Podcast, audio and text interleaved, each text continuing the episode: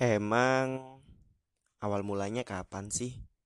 Kok kita sebagai orang awam yang bukan ustadz dan bahkan hafalan kita tentang dalil-dalil baik Al-Quran maupun hadis kita masih lemah tapi kenapa kita tetap disuruh berdakwah? Pertanyaannya kenapa coba?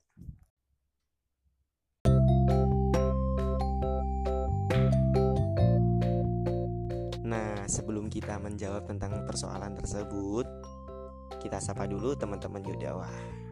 Halo, assalamualaikum. Bagaimana kabar teman-teman? Semoga hari ini baik ya. Amin. Nah, mengenai tentang pertanyaan tadi, pertanyaan tentang awal mulanya kapan kita disuruh untuk berdakwah padahal kita belum memiliki kemampuan yang mumpuni iya kan? Nah sebelum kita membahas tentang hal itu perlu teman-teman tahu di fakultas dakwah di fakultas di mana aku ada itu sebenarnya pertanyaan seperti itu sering sekali dibahas di dalam berbagai macam mata kuliah terutama mata kuliah yang berhubungan dengan dakwah. Dan itu dibahas dan benar-benar diperinci. Dan perlu teman-teman tahu sebenarnya jawabannya simpel kok dakwah itu sebenarnya bisa dilakukan oleh semua orang, tidak hanya oleh ustadz saja.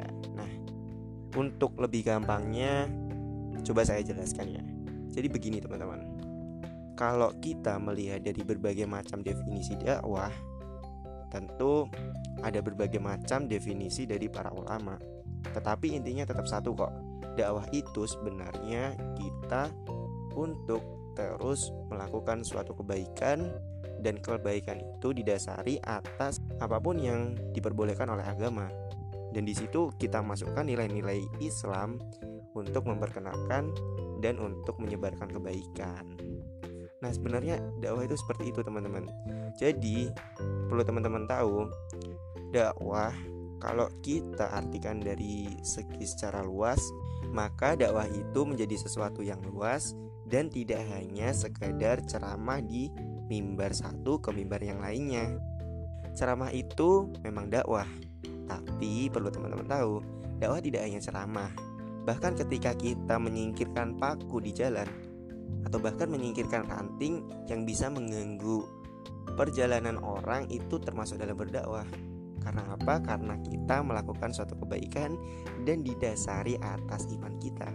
Dan di situlah nilai dakwah yang bisa kita ambil. Jadi teman-teman, dakwah itu sebenarnya tidak perlu kita memiliki gelar ustadz dulu dan tidak perlu kita benar-benar hafal tetapi dalam tanda kutip kita harus tahu dan kita harus paham tentang konsep Islam itu sendiri meskipun kita tidak hafal meskipun kita tidak hafal hadis maupun Al-Quran untuk dalil-dalil tentang terkait apa yang kita lakukan tetapi setidaknya kita paham tentang ajaran secara inti dari agama Islam ini maka, ketika kita telah tahu dan kita telah paham tentang ajaran Islam, kita melakukannya atas dasar iman, maka dari itu kita telah melakukan dakwah. Misalnya nih, bagi teman-teman yang suka ngedit nih, teman-teman bisa kok. Teman-teman gunakan keahlian edit teman-teman, lalu teman-teman melakukan kebaikan, misal membuat videografi ataupun fotografi yang bisa mengajarkan orang lain untuk menjaga kebersihan dan di situ teman-teman bisa cantumin beberapa pendapat para ulama tentang kepentingan dalam menjaga kebersihan. Nah, di situ ternyata secara tidak langsung teman-teman juga telah berdakwah. Maka dari itu, jangan artikan dakwah secara sempit teman-teman. Ya kan? Kita harus mengartikan dakwah secara luas dan dalam tanda kutip dakwah yang kita lakukan tidak melanggar syariat. Maka dari itu mau sampai kapan lagi kita nggak berdakwah coba. Nah, untuk pertanyaan tadi, mulai kapan sih atau awal mulanya kapan sih kita dianjurkan untuk berdakwah? Ya kan? Nah, sebenarnya gampang kok teman-teman jawabannya. Sebenarnya jawabannya adalah ketika kita telah mengaku sebagai muslim atau dalam tanda kutip kita telah balik dan kita telah mengerti apa itu dakwah dan kita mulai bisa melakukan dakwah sesuai dengan kemampuan kita. Maka dari itu, marilah teman-teman kita berdakwah mulai dari sekarang. Kalau nggak sekarang, kapan lagi? Nah, untuk semangat teman-teman supaya teman-teman selalu berdakwah, coba teman-teman ingat satu ayat di mana ayat itu mengatakan bahwa umat kita adalah umat terbaik, umat muslim. Dan di ayat ini kita dimention oleh Allah bahwa kita adalah umat terbaik. Nah, coba saya bacakan ya. A'udzu billahi. Bismillahirrahmanirrahim. Kuntum khaira ummatin ukhrijat linnasi ta'muruna bil ma'rufi wa tanhauna 'anil munkar. 'Anil munkari wa tu'minuna billah. Shadaqallahul azim.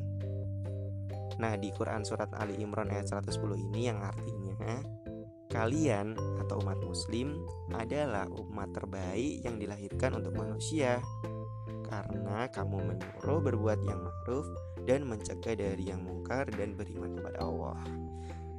Seperti itulah Quran Surat Ali Imran ayat 110 Sekian dari saya Ahmad Fauzan Ilfat di podcast Yudawa dan tentunya teman-teman jangan lupa harus terus dengerin setiap episode dari podcast Yudawa ini. Maka dari itu, sekian. Bila fisabilillah haq fastabiqul khairat. Wassalamualaikum warahmatullahi wabarakatuh.